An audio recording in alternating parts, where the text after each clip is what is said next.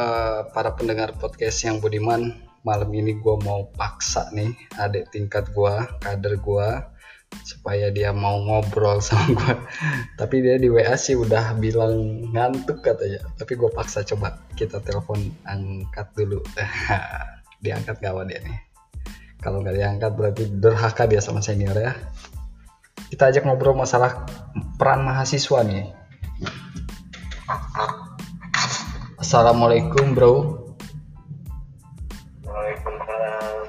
Eh, aktivis hari gini molor. Ya, ya.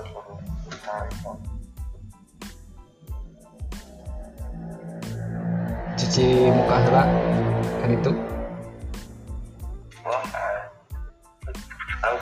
Jadi lari akang. Wow. Sehari. Mualila podcast masa kedeng. Lah.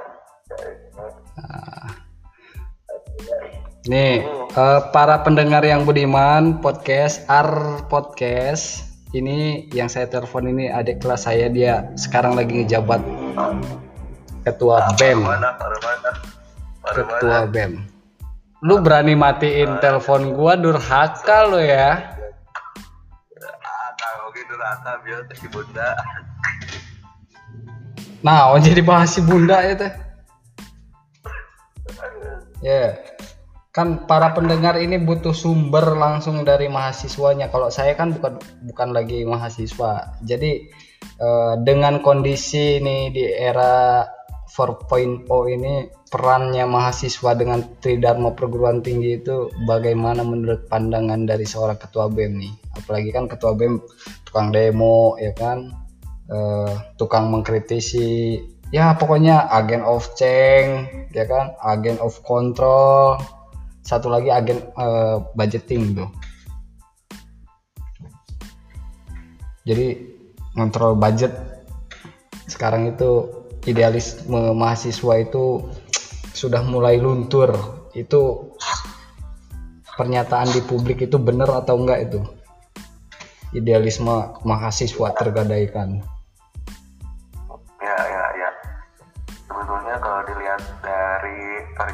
publik tersebut, ada benarnya, ada enggaknya sih. Oh, ada benarnya ada enggaknya. Kok senyum-senyum gitu jawabnya?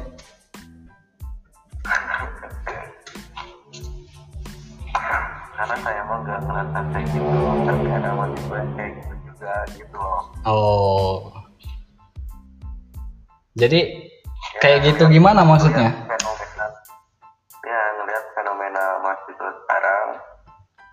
mahasiswa juga terbagi-bagi tuh. Hmm. Ada mahasiswa yang melek terhadap dunia kemahasiswaan, Hmm. peran dan fungsi mahasiswa yang tadi disebutkan.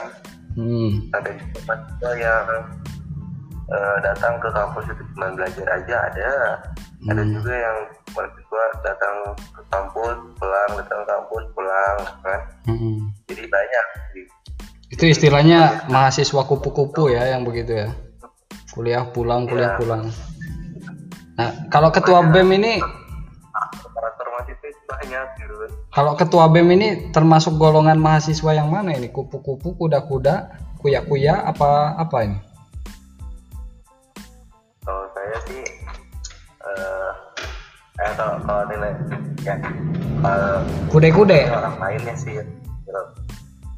Sebetulnya orang lainnya yang bisa menilai saya saya ada di posisi saya nggak bisa menilai diri saya sendiri Ini bukan bukan masalah urusan penilaian. Jadi eh, posisinya kalau ketua BEM itu harus berperannya di di golongan mahasiswa yang mana? Kupu-kupu, kura-kura, atau kude-kude? Tahu kau kude-kude? Ini istilah baru ini. Kuliah demo, kuliah demo. oh ya Hmm. Enggak sih sebetulnya harus harus harus di cara menulis membaca diskusi saksi gitu kan Hmm. itu ada budaya pure karena mahkotanya mahasiswa itu ada di sana Mahkotanya. kalau saya nilai diri pribadi saya sendiri saya ada di mana ya agak bingung juga Ada- bisa nilai diri sendiri soalnya Ada di atas kasur nih kayaknya tengah malam begini. enggak bang. Ini di atas ini di atas karpet biasa namanya aktivis bang. Oh aktivis. Aktivis tapi pipinya tebel ya? Nggak tipis gitu. Ya ya ya jadi ya ya. gitu. fungsinya mahasiswa itu sekarang perannya di masyarakat harus seperti apa nih Pak Ketua BEM karena kan sekarang kan eh, seba- seperti yang kita ketahui kan mahasiswa itu hedon ya. Eh, punya dunianya masing-masing gitu kan. Eh, sementara yang Tridharma perguruan tinggi itu hanya sudah tinggal slogan lagi gitu kan. Tidak lagi ada perannya. Nah, bagaimana untuk membangkitkan atau mengembalikan semangat juang mahasiswa itu yang katanya penyambung lidah rakyat tuh?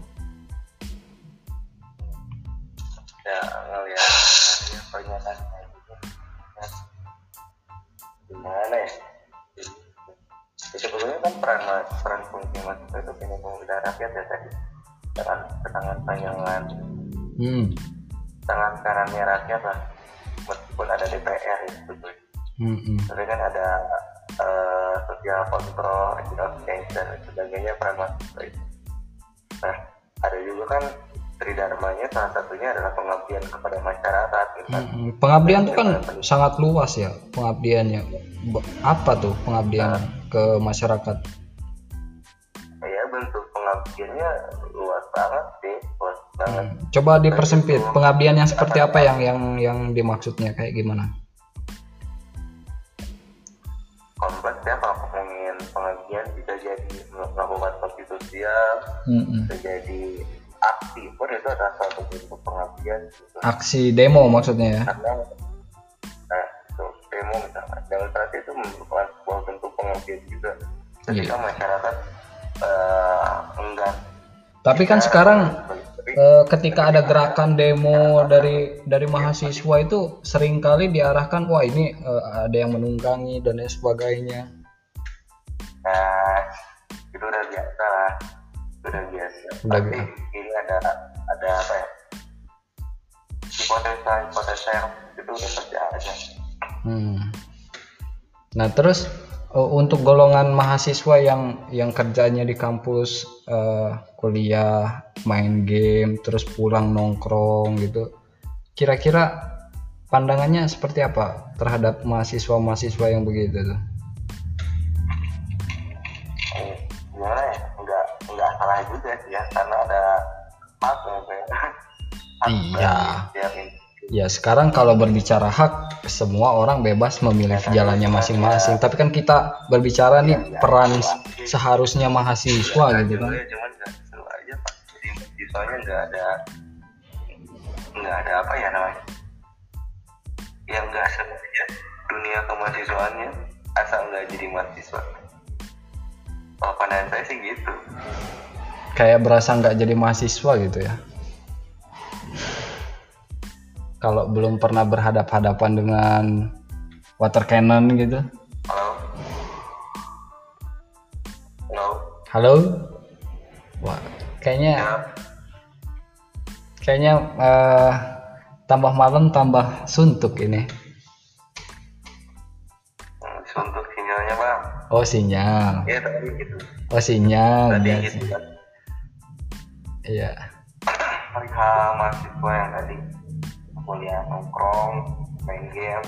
Hmm. sebetulnya nggak ada salahnya juga ya. Cuman eh, apa ya mungkin mereka jadi nggak punya nggak punya cerita ketika dia jadi mahasiswa itu seperti apa. Tapi bukan hanya sekedar cerita sih sebenarnya. Eh, karena kan ini kita bicaranya masalahnya eh, harusnya mahasiswa tuh perannya seperti apa di masyarakat, di dunia luas gitu kan. Itu yang lebih terpenting. Kalau berbicara masalah hak ya sebenarnya semua orang bebas menentukan pilihannya masing-masing. Tapi kan ketika dia menyandang status sebagai mahasiswa, seharusnya dia tahu dong eh, harus berperan seperti apa dia sebagai mahasiswa. Masalah tadi Tridharma perguruan tinggi itu kan yang pertama pendidikan dia harus menyelesaikan pendidikannya harus baik ya kan. Terus pengabdian, penelitian itu kan tiga poin uh, tiga poin penting seorang mahasiswa gitu. Seharusnya kan ke ke arah sana berpikirnya. Ketika berbicara tridharma perguruan tinggi maka dia harus menyelesaikan pendidikan secara baik. Ya kan? Lulus tepat waktu misalkan. Nilai akademisnya harus baik. Lalu e, berbicara e, penelitian. Dia kan harus sebagai mahasiswa itu harus meneliti problem apa yang di masyarakat ya kan apa yang terjadi di masyarakat, kepekaan terhadap sosialnya kan harus ditingkatkan ketika dia menyandang status sebagai mahasiswa. Lalu yang terakhir juga pengabdian. Nah, pengabdian itu kan sangat luas sekali gitu. Apa pun dia bisa lakukan itu pengabdian. Termasuk tadi e, menyinggung terkait masalah aksi kan. Walaupun isunya di luar sana e, ketika mahasiswa aksi banyak yang membelokkan lah ya kan? E, ke arah oh ini ada ditunggangin gitu kan. Tapi kan tetap aja aksi nyata itu harus dilakukan sebagai perannya mahasiswa kan. Karena itu sudah kewajiban sebenarnya uh, Dharma perguruan tinggi itu. Nah kira-kira pesan-pesan pesan-pesan itu yang mau disampaikan oleh Bapak Ketua BEM ini Badan Eksekutif Mahasiswa terhadap mahasiswa yang saat ini terlelap tidur. Apa nih pesannya? Bangun. Saya belum tidur ini gimana mau bangun. kalau tidur ya bangunin. Tertidur ya bergerak. Uh, harus digerakin ya. Dengan cara apa itu membangunin dan gerakin ya saya blok saya blok dia tuh kalau nggak tampar kalau nggak apa kek wih pelanggaran itu. Kita kan negara hukum nggak boleh tampar-tampar begitu di ospek dulu bang itu bang. Ospeknya ya. enggak ini. Berarti eh, kemahasiswaannya dipertanyakan ya? Ya gitu lah kurang lebih. Ya udah tanya kamu mahasiswa bukan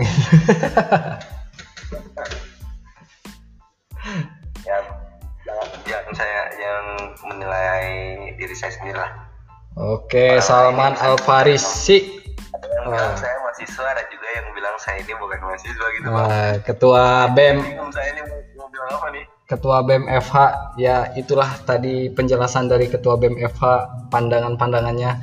Nanti di lain kesempatan saya undang Anda supaya langsung berbicara di studio di sini ya kita podcast live. Kita sambung ya, lagi iya. terkait isu-isu nasional, lokal, internasional semuanya kita bahas. Siap?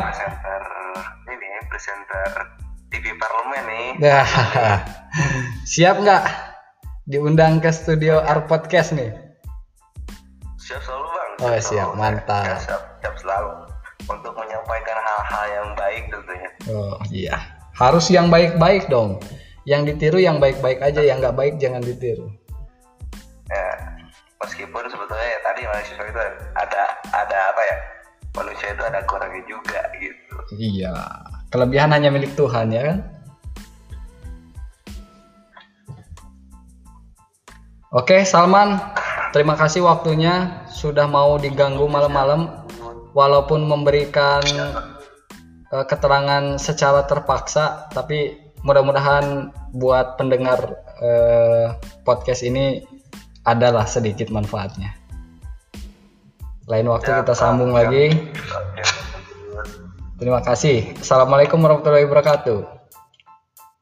Oke, waalaikumsalam warahmatullahi wabarakatuh. Nah, begitulah saudara-saudara. Ngobrol sama ketua BEM tengah malam gini, uh, kayaknya dia nggak konsentrasi gitu. Uh, pembahasannya agak sedikit kurang matang gitu. Uh, tapi lain waktu kita akan undang dia langsung datang di sini supaya angkat bicara. Nantikan episode selanjutnya tetap di channel Art Podcast.